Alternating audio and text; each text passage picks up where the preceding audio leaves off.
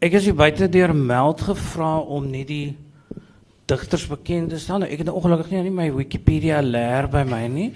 Maar ehm um, so ek dink almal wat hier is is hier omdat hulle belangstel in Susan en Renay en ek stel hulle graag aan die woord. Baie dankie Marius.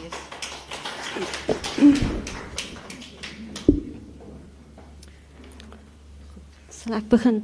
Susan, ek wil begin deur te sê baie dankie dat jy my genooi het om jou gespreksgenoot te wees. Ehm um, jou bundel het is baie goed ontvang. Almal met wie ek praat, is baie beïndruk. Almal geniet dit baie. Dit het my baie diep geraak. Ek en jy het, mekaar nou wat 'n uur gelede vir die eerste keer ontmoet. Dit voel of ek jou baie lank al ken. Ehm um, natuurlik deur jou verse. Ons bundels verskil ook in baie opsigte. Ons kan van selfsprekend nie alle temas aanraak nie. Ons het 'n paar gekies om oor te praat vandag, miskien meer die ooreenkomste.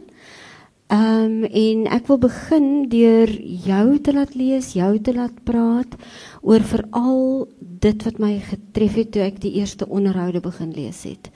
Ehm um, woorde soos dualistiese modelle van dink en lees en skryf.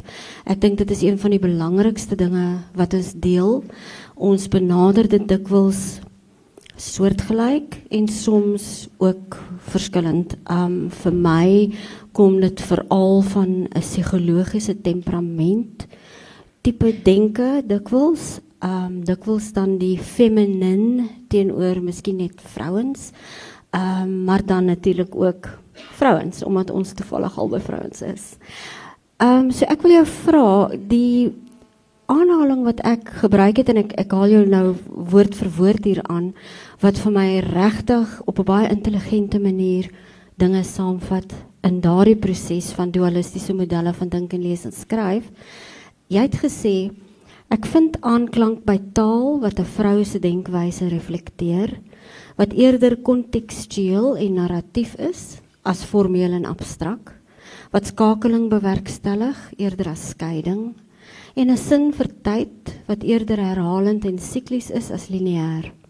Dit beteken vir die digter om gegrond te wees in eie ervaring, om uit die lineêre en logiese sfere van diskurs te beweeg na dualistiese modelle van dink en lees en skryf.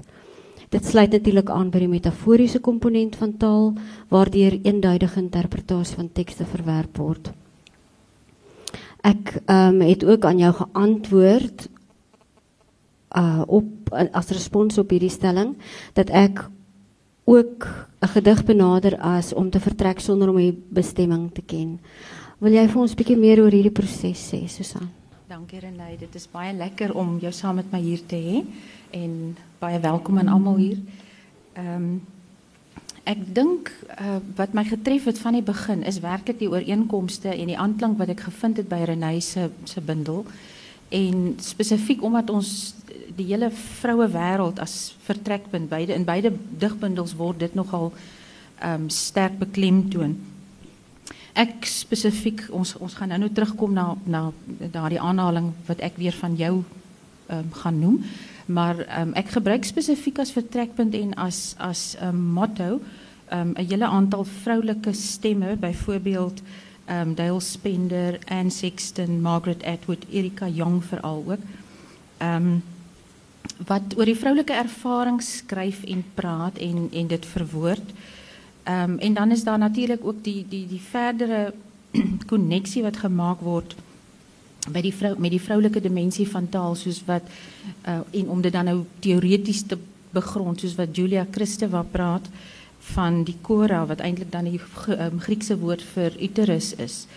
En uh ook Helen Sezou wat van écriture féminine gepraat het al hier in die 70er jare wat neerkom op 'n vroulike skryfwyse en en daar's heelwat navorsing gedoen daaroor. Ek sien Amanda skud haar kop, Amanda Lourens ehm um, het al ook navorsing daaroor gedoen soos wat ek reeds in my in my um, doktoraal in die 90er jare ehm um, hierdie hierdie vroulike skryfwyse en uniek vroulike seggingswyse um, van naderby bekyk het.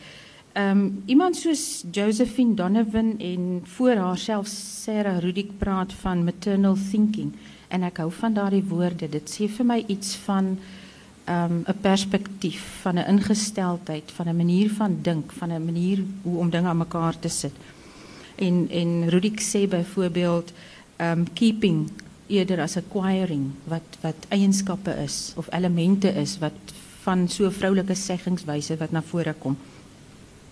Die die die elemente wat ooreenstem en wat wat aanklank vind ook by Renée se gedigte is werklik dan hierdie sikliese aard eerder as lineêr. Dit is taal wat wat wat nie noodwendig vorentoe die of vorentoe stie in 'n in 'n enkele lyn nie, maar daar die herhalende elemente is daar, daar's 'n dualiteit dikwels.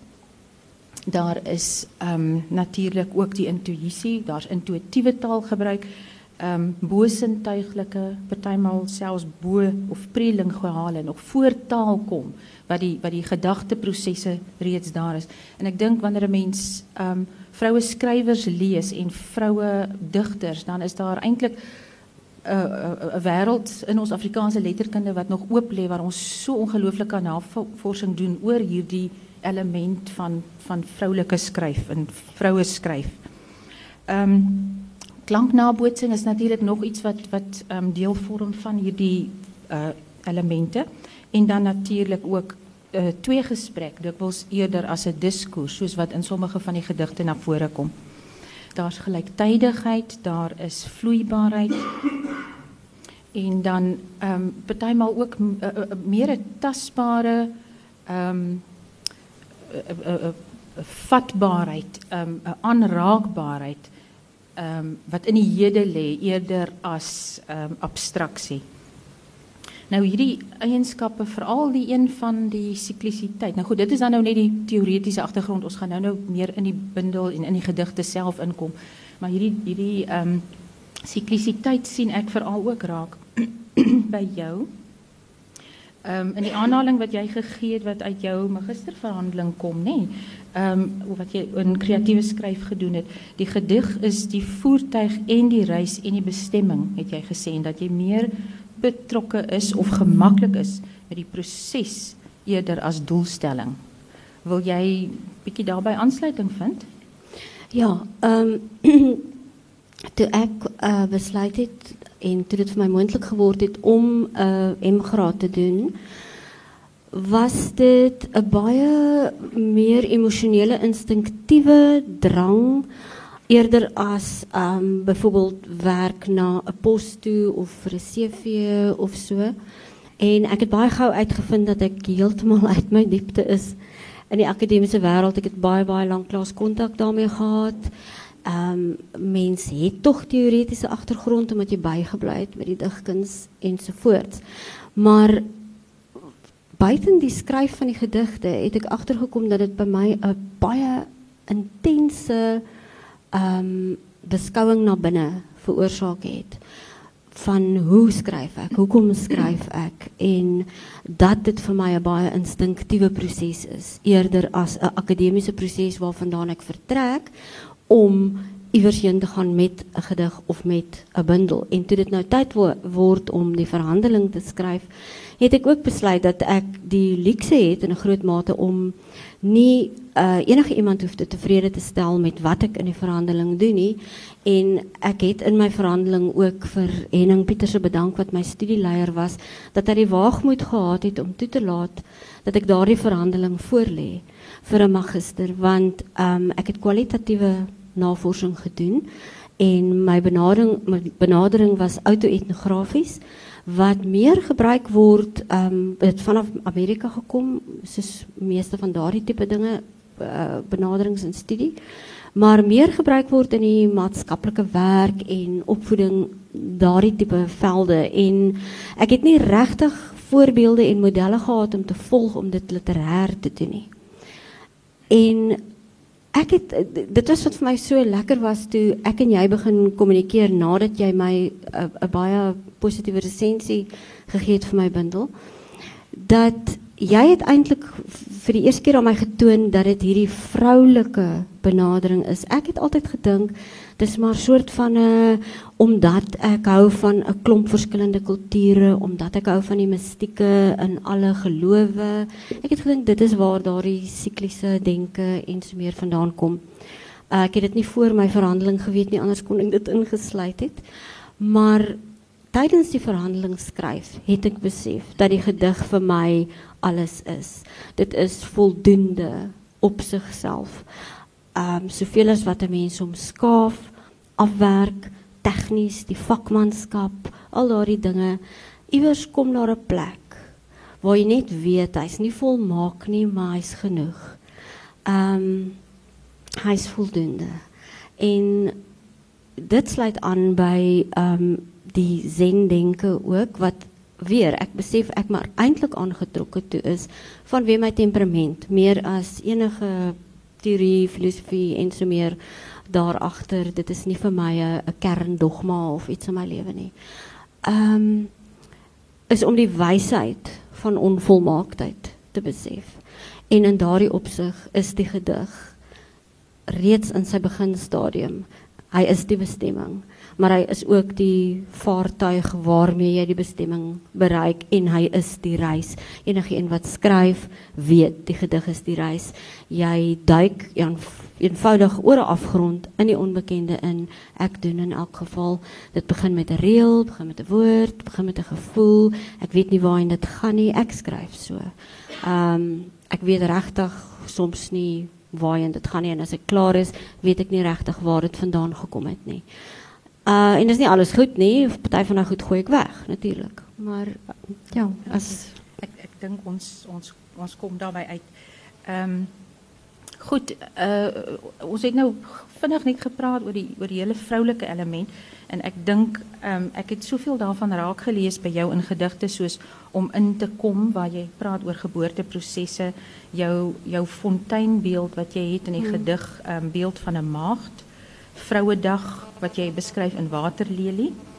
Um, maar dit is vooral jouw gedig Vrouwen van La Loba, wat mij baie getref het. Nou, dit is een lang gedig. Ja. Ik denk, weens ons tijdsbeperking, um, kan je dat misschien niet voor ons, hij is op bladzijde 54. Lees, ja, um, net zo één of twee ietsiekies daaruit voor ja. ons voorlees en ja. dan zal ik uh, daarbij weer aansluiten. Ik moet zeggen, dus voor mij, hierdie gedig, ik word baie gevraagd waaroor gaan die gedig en dis een van die gedigte wat die um redigeerders van die bundel nie eintlik sterk oor gevoel het nie en dit is wil ek ter ondersteuning van intuïsie en die tipe skrywer wat ek is sê um soms is 'n mens gevoel reg want dit is die gedig wanneer ek voorlees en by hierdie tipe geleenthede dit is altyd die een wat uitgelig word. As lees hom asseblief vir ons. Is jy bereid om oor hom te praat?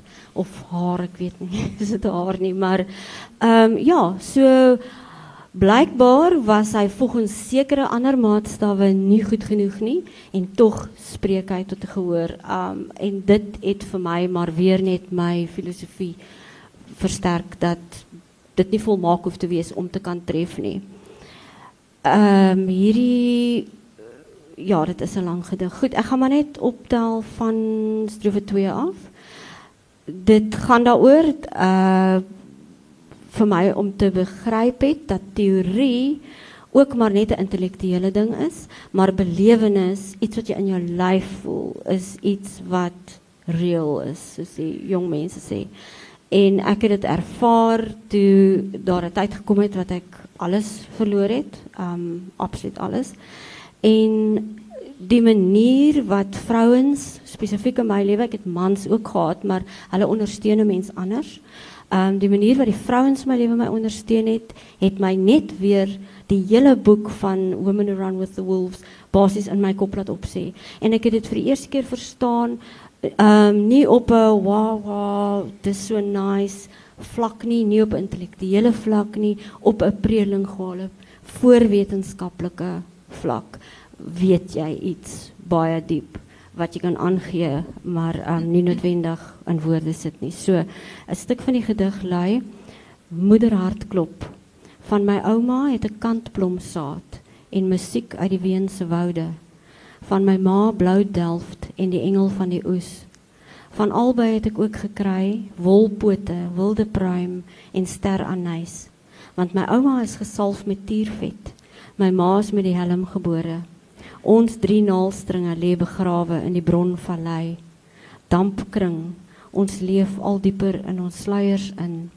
En aan die einde la loba, dis in my bloed geskryf. Ek het 'n lotus in my kop en 'n loerie in my lyf. Ek is gebore langs die maalstroom. Van my ma het ek tweeling visse wat paar in nagriviere. Van haar het ek orgidee en die vlerke van 'n naaldekoker. Van my ouma het ek 'n eystervarkpen en soetomsobo. Van haar het ek sampioentepels en brandhout. Wolfin, ek leef al dieper in my trop in. Renay, dit is pragtig. Ehm um, wat vir my daar veral opvang uh, opval is natuurlik die ehm um, die herhalende element, die die melodieuse element daarvan en natuurlik ook die primordiale op die einde die terugkeer na daai daai oertoestand amper dan nou ook weer terugkeer soos na 'n uh, ehm um, na 'n baarmoeder. Ehm um, ek kan ek sal aansluit hierby ehm um, met met my gedigpatroon wat op bladsy vir die wat nou die bundel voor het op bladsy 38 wat wat op 'n manier ook daar dieselfde herhalende sikliese elemente het. Daar's 'n refrein wat 'n melodieuse klank daaraan gee. Ek gaan net 'n deeltjie lees. Ehm um, mamma ja, die die die ehm um, gedig naam is Patroon en dan is daar 'n motto ehm um, Umbalesi Webali wat die Khoisa woord is vir ehm um, toe spinne Jaan sê die Engelse daarvoor. So dis daai daai fisiese ding van brei nou maar net dood op die op die oppervlakte, maar natuurlik dan ook die die ehm um, dieper element van storievertelling, daai Sherazad element van aanhou vertel om te oorleef. Mamma, jy brei in mosstekenkabels vir my 'n arantrei. Steek vir steek trek die drade ons hegter bymekaar.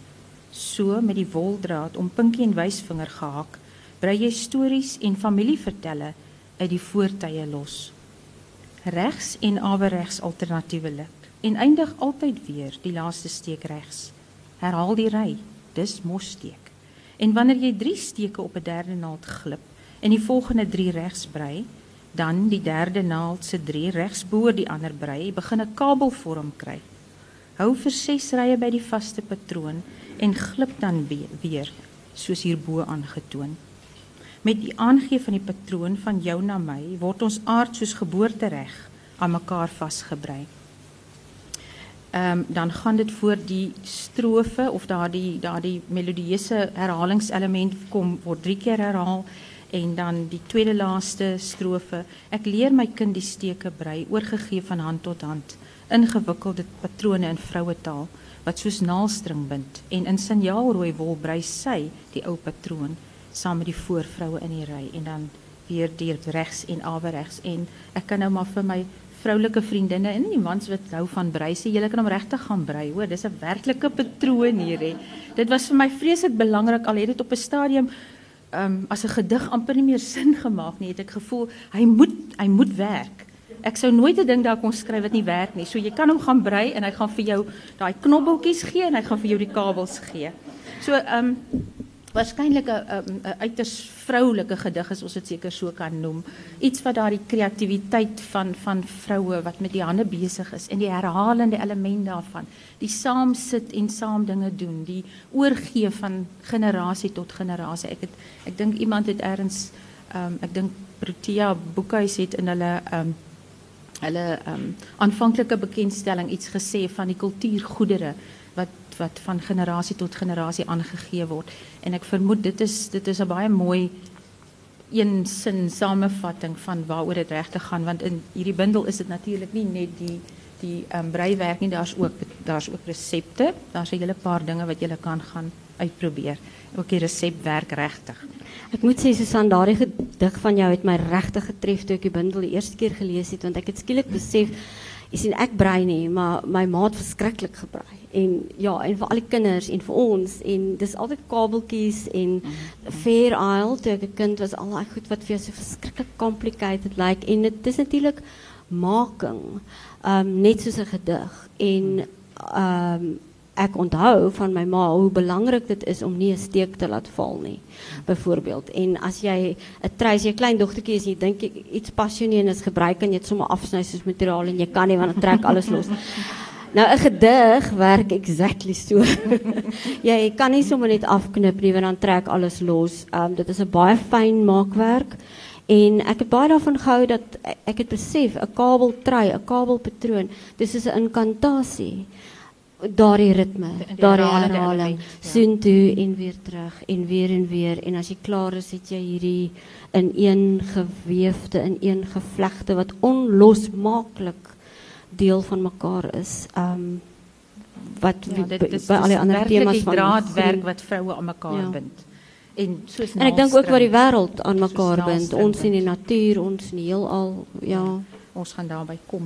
Jy kan nou oorgaan na die die mure. O ja, ja, by die makery ehm um, bring ons dan natuurlik by die op die mure skryf. Ons het albei gedigte wat dit in uh teen mure skryf, teen grotte skryf. Dis iets wat ek dink enige skrywer maar aan dink al het mens nie 'n filosofie agtergrond nie. Ek het nooit wysbegeerte of filosofie byvoorbeeld as vak gehad nie. Mens lees tog maar altyd daaroor. Vir my het dit begin uh by die hele Plato beeld miskien van die figure teen die grotmuur, uh die silhouette, daardie tipe ding, maar dan ook waar ek groot geword het is daar rotstekeninge in die grotte en teen die kraanswande. Ehm um, daar was sanmense in die Kamberg distrik in die Giants Castle main cave kan mens nog gaan kyk na die grot. Dis goed is waarmee ek groot geword het as dogtertjie.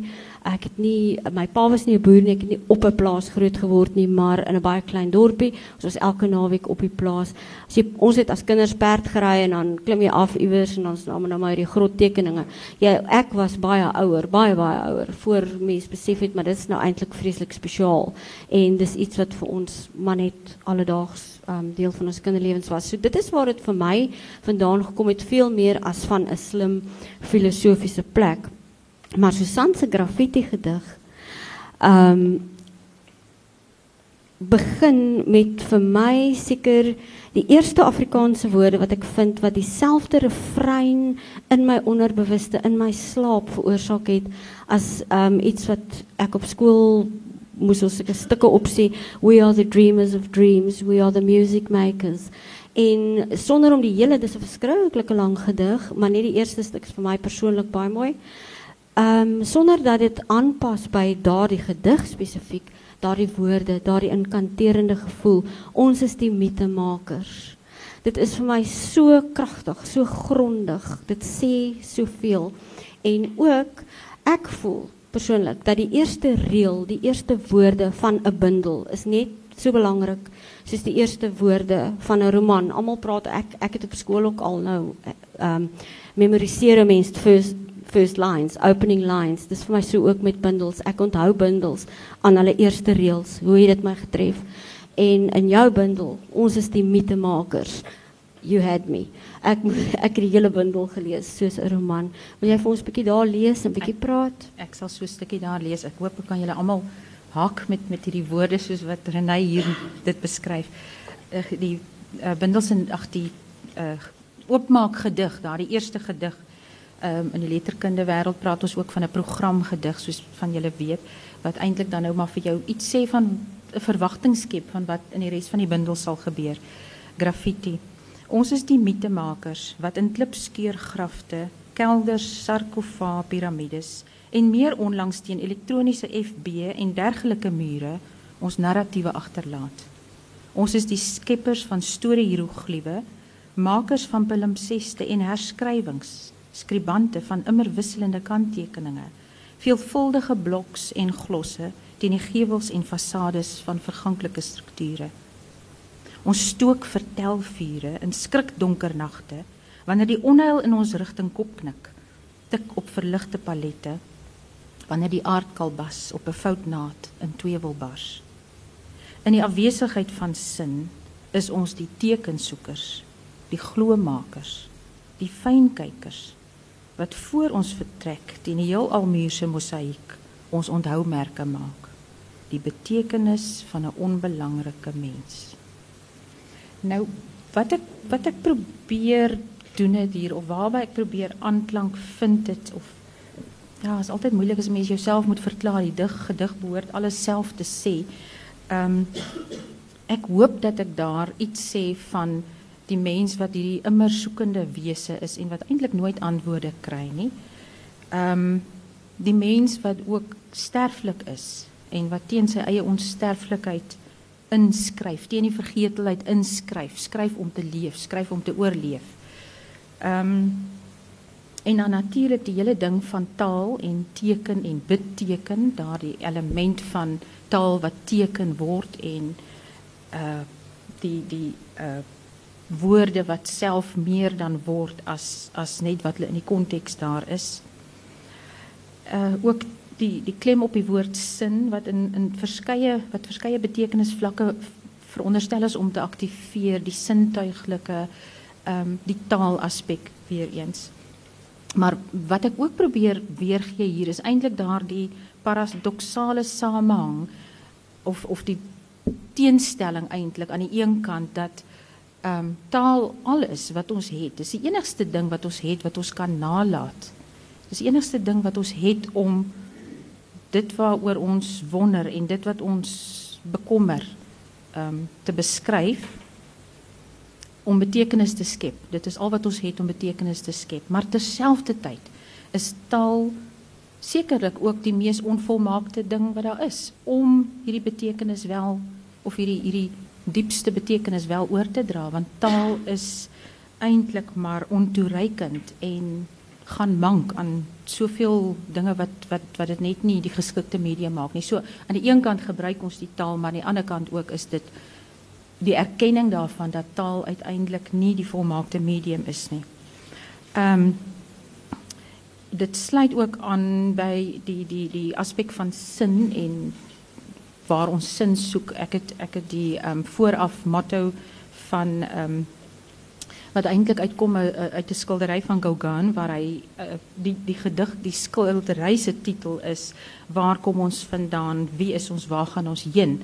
Waarin hy 'n groot skildery geskilder het waarin daar letterlik 'n lewensverloop van die regterkant van die skildery soos julle nou voor my sit na die linkerkant toe um beelde en figure is waar die die die kind pas in die wêreld kom en dan die vordering na die volwasse wêreld en die werk en alles wat daarmee saamgaan, die verantwoordelikheid van werk en dan aan die regterkant van die skildery, ehm aan die linkerkant van die skildery die die ehm uh, ou uh, ou persoon wat aan die einde van sy lewe is en uh daardie interessante samehang van van die sin soek en Gauguin self het dit as sy belangrikste en grootste werk ooit bestempel. En ook interessant op die linkerkant van die skildery is daar 'n wit voël wat ehm um, dan nou ook natuurlik simboliek is van taal en van die onvolmaaktheid en on, onvoldoende aard van taal en daarbey het ek probeer aansluiting vind. Maar ons praat nou van op grotwande skryf en ek het eintlik so geglimlag want dit lyk my ons kom nie weg van die grotte nie. En julle weet mos nou dat die grot ook maar 'n simbool is vir die baarmoeder, soos my dogter my goed laat laat ingelig het. Ehm um, En uh, jy het self by die grotte aansluiting gevind in jou gedig Shaman Grot. Ek weet nie hy's op bladsy 13. Wil jy hom gou-gou? Ja. Ek wil net tog weer sê want ek is regtig ek dink dit is so 'n sterk gedig van jou daardie graffiti gedig. Wat my ook getref het in jou gedig is die is die klipskeur grafte. Is die paradoks in al die woorde wat jy gebruik het en hoe jy dit aktiveer, ook die dubbelbetekenis van die woord mite. Ehm um, soos ek seker ons nog meer waarvan ek nie weet nie, maar hoe dit iets verklaar, maar hoe dit ook nie noodwendig die waarheid is nie of 'n wetenskaplike waarheid miskien is nie. En die klipskeurgrafte, ehm um, ons 'n bietjie later miskien daar gesels het ek van gehou. Ek wou jou vra, is dit daardie afgronde waar die sin afwesig is? Um, en dat je dit alles in niet één gedig kon regkry is vir my fenomenaal. Susan, ek het baie van haar gedig. Dankie. Okay, kom ons kyk na jou shamaangrot. Ehm um, shamaangrot, uh, ja, ek wou spesifiek 'n uh, baie Natalse beelding gebruik omdat dit is wat hom aan my voorgedoen het. in daardie tyd wat ek nie geweet het waar ek sin gesoek het, waar ek nie geweet het waarom dit te kry nie, het ek gevind die beste is om op te hou spartel en sin te soek en te wag dat dit na jou toe kom. En hoe dit gekom het was um van die imprinting van my kleintyd wat die Natalse Middellande en die Drakensberge en daardie plekke is en dis waar ek teruggekeer het vir my grot omdat ek dit as kind werklik besoek het en dit was vir my 'n geborge spasie. So ehm um, Shaman grot, maar natuurlik is dit ars poeties hierdie gedig. Brand die bondel soet en pepo. Brand die berg weer rook. Met die koors in my word ek eland bil en pofo word ek bruin en motwit pigment op kwarts of perkament. Kogelmanders by die Kambergkraans, die dassies in amfitheaters rots. Groot lammergeier in sy oker vlug, muurleeuetjies onder warm sand. Hoe flikker hulle in my hande as ek in sirkels binne sirkels binne sirkels die oerpad vat. Ja, my voete verf 'n gedig oor die gedigte gang van tyd en lig oor die muse is 'n maalklip en alle bokke stof.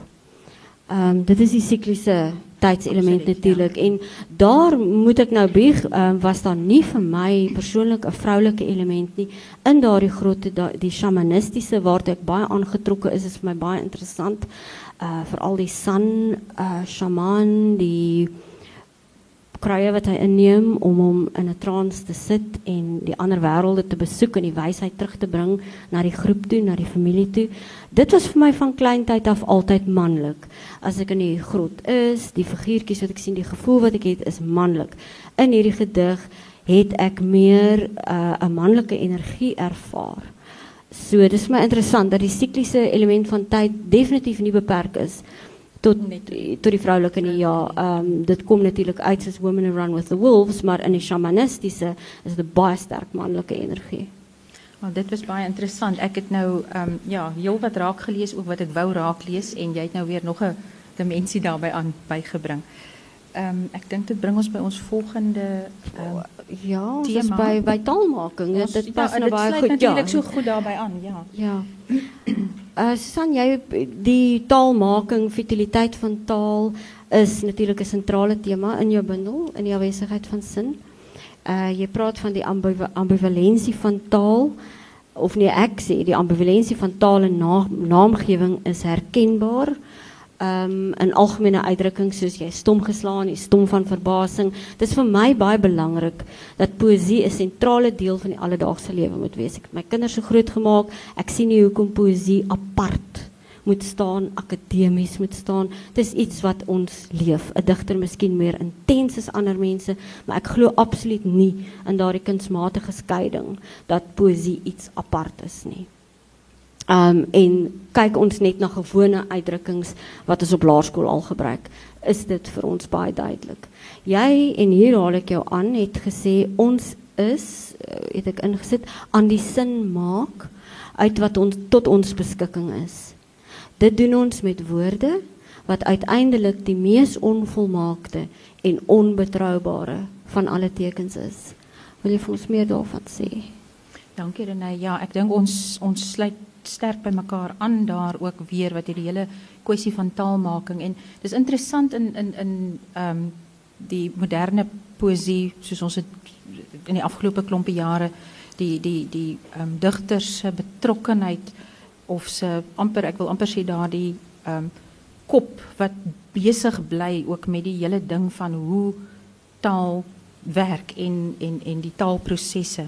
Maar wat vir my veral gefassineer het en ek het nou eintlik kan ek teruggaan net 'n oomblik hier in ehm um, noem van 'n ander gedig wat ehm um, iets sê oor die aftakelingsprosesse van ouderdom en dan 'n ou 'n ouma in haar huis wat uiteindelik te bang is om na gang af te loop want sy bly 'n leeftyd daar maar die gang is vir haar vreemd en so voort. En en daardie hele ehm um, ding ook van van die prosesse waardeur fisies en en waarskynlik klinies taal dan nou ook gaan. En dan het ek die twee gedigte langs mekaar op bladsy 88 en 89 die ehm um, linkerkantste gedig titel is afasie en die regterkantste gedig woordslaai. Nou die woord afasie beteken dan nou natuurlik ehm dan taal wat wat ehm um, afgebreek in die uh, neuro, neurologiese prosesse wanneer iemand verouder of na beroerte en en die taal dan um, algaande verlore gaan. Nou ek dis dis beide kort gedigte. Ek gaan vir julle albei lees om te demonstreer. Luister dan wat ek in die, in die eerste gedig doen is die stem van die logika en van die rede wat wat waarneem en wat sê dit is die situasie, dit is wat gebeur en dan doen ek op die op die bladsy daarna in die in die woordslaai gedig ehm um, bykans dan 'n 'n demonstrering van van hoe hierdie proses werk binne intaal. Afasie, ek is die toorder, die poppemeester Harlekyn wat woorde laat glim en dan laat verdwyn. Ek is die magier wat die alfabet se blink munte tussen my vingers rol, wissel die klinkers, ruil woorddele om. En iewers tussen die oog se kyk en die klank op die lip, word die neuronpaadjie van die neuronpaadjie afgeglip, word in die omstreke van Wernicke die spoor verloor, word die dobbelsteentjie geskommel, die swart doek gelig. In die oomblik van asem ophou, na die trom se roffelrol, slaan dit jou stom. Op my wit handskoenpalm uitgestal is afwesigheid onthul. Dus daardie soek na die woord en dan's die woord weg. Nou in woordslaai is dit nou eintlik 'n speel van hierdie gedig, maar hier is die woorde nou letterlik soos wat die die die um, kliniese term woordslaai verwys na 'n 'n 'n proses in die brein waar sekere woorde verlore gaan. Ek is die wat kantoor die met die hand, wit, handwit skoene en 'n kuil wat die alfabet ekskuus tog wat die albafet se minkblinde ting ting tussen my ringers vol siwel die klinkers om die deelwoorde te ruil en wiewers tussen die rom se troffel klap voeter tik jou stom die verloor loor nou ek het nie gedink hulle gaan hom plaas nie ehm um, want uiteindelik is dit nie taal nie maar dit sê iets van die taal wat dan wat dan uitmekaar val. Ehm um, wat hierby aansluit is miskien ook die vinnig nie die gedig die laaste taal. Die skandering sê die neuroloog wys tussen swart embolies spikkels is bykans alle taal uitgewis. Net die mees essensiële bly oor. My ma sê my kind so sê sy my liewe liewe kind dis al wat sy nog sê Goed. Ehm um, ja. ja, so dit is ehm um, taal taal as daardie multidimensionaliteit daarvan. Ehm um, al wat ons het uiteindelik en ook dit is maar 'n relatiewe ding. En as natuurlik ook maar ooreenstemming dat ons kom ooreen dat 'n woord iets sal beteken, beteken want jy nou sê dit is nie taal nie natuurlik is dit taal maar, ons het oefeninge gedoen al met mekaar ek en van my mal maatjies wat ons um, 'n gedig sê, maar dis net klankle o o e a o. So laat jy die ritme kan kry. Hmm. En ehm um, dit is net dit is hmm. dit is woorde. Jy het natuurlik 'n uitstekende gedig geskryf, Vlang Vlamtong, waarin daardie ehm um, ook daardie element van taalmaking en ja, waarskynlik ja, taal, die aanwesigheid, ja. afwesigheid van taal um, na vore kom. Uh, dis op bladsy 11 by jou Renay. Wil jy hom Ja, dit was wel interessant geweest. Ehm um, die gedig is een van die min wat ehm um, ek werklik die moment kan onthou waar die gedig geboorte gekry het. Ek het hom basies net so ontvang. Ek het bietjie woorde weggevat om hom net stroomlyn te maak, maar ek het iemand ontmoet wat vreeslik baie weet van die kabbaliste en so aan en hulle praat van the mother breath. Toe die Big Bang, die heelal toe dit geskep is, wat was die mother breath? Ehm um, daar's baie sulke speling met woorde en met taal in die kabbalisme. Ek weet nie so baie daarvan nie, maar hulle praat ook van die ineffable name of God. Dit is daardie onuitspreeklike. Hulle hulle laat letters uit wanneer God se naam geskryf word. Ek onthou Johan Degenaar het jare terug het ek 'n praatjie van hom bygewoon in Gramstad wat hy ook gesê het the naming naming of God is shattering him into pieces. Ehm um, sodra die benoeming, daardie singewing en sin weg, sodra die naamgewing gebeur is, val dit ook weg, soos jy so aandui. Nou hierdie ehm um, het ek in die amfitheater gestaan in Drakensberge en beeste het dit nog nooit vreeslik vir my gedoen nie. Ek vind hulle nie vreeslik romantiese diere of goed nie. Jy weet perde is bietjie anders as mense dogtertjie is, maar beeste is maar brein.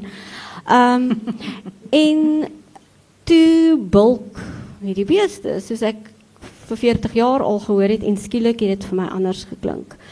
Um en ek was al op vele retreats van vele gelowe. Ek is aangetrokke tot omtrent al die mystieke elemente in al die gelowe van Rumi, die boeddhiste, die uh, Teresa van Avila, die contemplative nuns, al daai. En toe hierdie bees nou so bulk in die amfitheater, toe hoor ek maar dit is daardie monnike wat sit in meditasie en sê om om om en uh, ja, toe dog ek wel hierdie beeste is boeddhiste vandag vandag. Ehm um, en toe het vlamtong gekom. En want ek het gewonder, soos die kabbaliste, was dit 'n woord? Het het die energie, die God 'n woord gesê en toe ontstaan alles. Want in die begin was die woord. En toe hy die woord Okaglamba spreek, was daar vuur in sy mond. Berg, het hy gesê en om het die pieke geantwoord om ego die amfitheater om om sing die wind in grassade en die stertvere van sakabulas om Jan Frederik tiptol om alwyne watervalle die tugela om en om bulk die beeste met bruin stemme wat wegsink in rimpelklip. En tabayami is my berg. Bid die priesters by die paters en die priesters in hulle grotte om dans die bokbeelde immer om. In die sneeu op die monnik se rug om warrel psalms oor die afgrondkraans by Cathedral Peak en om champagne kasteel deur digter mis om die vol al om die Okaslamba om om om um, en natuurlik was dit vir my 'n baie lekker fonds dat om wat jy op verskillende maniere kan spel ook so gespel word om die sikliese die heeltyd te aktiveer. Ek was baie dankbaar om hierdie inligting te ontvang. Ek dink ehm ja wat wat vir my hierdie gedig van jou werklik so briljant maak is die wyse waarop die klank saamwerk met betekenis en dan ook natuurlik dat dit jou die insluiting en die samehang met jou met jou bindeltitel. Ek sien ons tyd raak bitter min as ons Goed. ja, as ons vinnig miskien nog by ons groen element kan uitkom ja, en dan graag wil want jy weet so baie daarvan Susan ja, praat asseblief oor die groen. Letterlik 5 minute oor en hy. Ja, ek kan so, oor aan jou, ja. Ehm um, goed, ek dink ek het ek het toe ek Renée se boek geresenseer het, haar bundel het ek ook groen elemente raak gesien en ek ek is deesdae baie geïnteresseerd in in ekologie en ekokritiek, eko ehm um, poesie en uh, dit is 'n onderwerp dink ek wat wat deesdae waarskynlik meer en meer oor geskryf sal word. Uh ek het 'n uh, stukkie uit uh Konega wat uh, uh, eintlik miskien 'n riviergedig genoem kan word op bladsy 76. Ek kan gaan dis 'n lang gedig met sulke dele. Ek gaan nie alles lees nie. Ek sal miskien net so eerste stukkie daarin lees. Ehm um, wat wat uh, ek dink my eerste voelers was wat begin uitloop het in die rigting van die ekopoesie. Hierdie rivier wat land in 'n blink lint deur groen valleie sny. 'n Groen 50 miljoen jaar oud. Hou die hart van haar mense vas. Trek aan hulle ledemate met die oorstuwing van alle tye toe almal eens vis was voor longe voor asem voor die kraakbeen van kee neus en oor geword het in 'n baarmoeder see wat ligroos deur klein toegelymde ooglede skyn teen laat lente dam die strand meer daagliks dieper. Die lug wag swanger. Kinders por met skopgraafhande 'n voetjie teen die duinrig seekant toe uit. Sweet en lag teen die oormag waterswaar sand. En die aarde neem oor. Suster dit reën.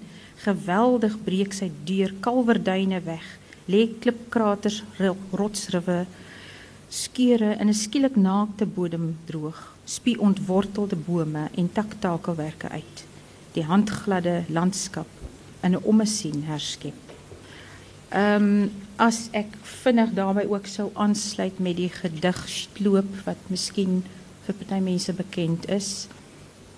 Doekvoet soekloop op die dier se spoor oor bontplakkie oor knarrabos veervoet blaarvoet sloop oor mokala se oortjies huls dat die kameeldoring nog kan peel dat die kameelperd se tong nog om die dorings kan skurf die tsetsebe nog met die vinnigste hoewe kan dreun dat die kind se onthou nog toegevou in die put van môre kan sit. Nou, ehm um, ek dink ons het 'n gedig van jou ook wat daarbey aansluit, jou mooi weer en warm het vir my iets gesê van hierdie bewussyn van die ekologie Ja. van van die samehang van alle dinge. Jy Ja. het dalk gou Ag weet jy, lees. ek hoef hom nie te lees nie, Susan. Ehm ek laat ek net miskien sê dit is vir my baie interessant en ek is so bly dat jy hierdie tema aan my byvoorbeeld kon bekendstel. Ek was onbewus daarvan tot my skande. Ehm want ek dink iets wat daarmee saamgaan wat jy ook genoem het in een van die artikels wat ek gelees het is dat ons wegbeweeg van die romantiese pastorale gedig. Dis nie net meer 'n landelike o, alles is pragtig daardie teenoor en ehm um, dis iets wat ek weer instinktief ek ek wil so graag baie by jou leer. Vir my is landskap plek is werklik 'n psigologiese element en ek dink dit is wat so ek sal verkies voor eerder as wat ek lees sê gerus nog iets oor die groen oor die of oor die groen gedigte. Ja, miskien is dit nie nou regtig die die platform hiervoor nie, maar ek dink dit is um, iets wat toenemend belangrik gaan word dat ons uh, uh, die plek op 'n nuwe manier na plek kyk. Daar is die tendens om te sê net soos wat ons in die literêre teorie gekyk het na geslag en en ras en na ehm um, uh ruimte moet plek uh, nou plek is iets anders as ruimte. Ek het 'n Ja. lang artikel daaroor Ja. geskryf dit dat dat daar ehm um, opnuut hierna gekyk moet word en dat dit 'n absolute uh, uh, uh, genre am- as het ware of 'n of 'n afdeling van sy eie word. Maar ek dink met ons tyd wat uitloop wil ons nog daarom nog 'n paar vrae vra. 'n Kans gee vir vrae. Wil jy vinnig 'n gedig mooi lees weer vir en warm tog maar lees? Lees, Okay. lees tog maar mooi weer en warm. Hy's nie Ehm lank nie. um, okay en hy het ontstaan omdat daar 'n skokkende foto op beeld se voorblad was eendag van 'n ysbeer wat loop met 'n ysbeerwelpie in sy bek, sy kop in sy bek. En dit was vir my shocking om te dink dit is wat ons besig is om te doen dat ons hierdie diere verander in kannibale. Um, en natuurlik ons so, so op ander plekke, mooi weer en warm. Dit is hoe die aarde sterf. Dit is hoe die dag doodbloei. Hoe die lam en die leeu steenkool word in die sneeu. Skryf vir my uit Istanbul, bel my uit 'n Sigener karavaan, want 'n engel is ontdek in die Hagia Sophia onder mosaïek van die Mohammedaan. Maar ons huil teen die mure van Jerusalem, verdeel die heilige tempel in twee bind selfmoordbomme om ons lendene, ons stort kernafval in die see. Ysbere vreet aan welpiekoppe, gletsers baar pruimbloeisels en rys. Die kuikens verkoel in hulle doppe, larwes krul om die suiderkruis.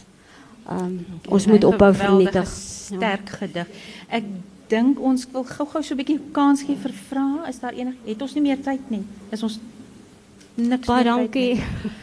Hoop nie ons het julle te uit asem besig gehou nie. Baie dankie vir almal wat hier was. En ja, Dankie, ons waardeer dit baie, baie dankie.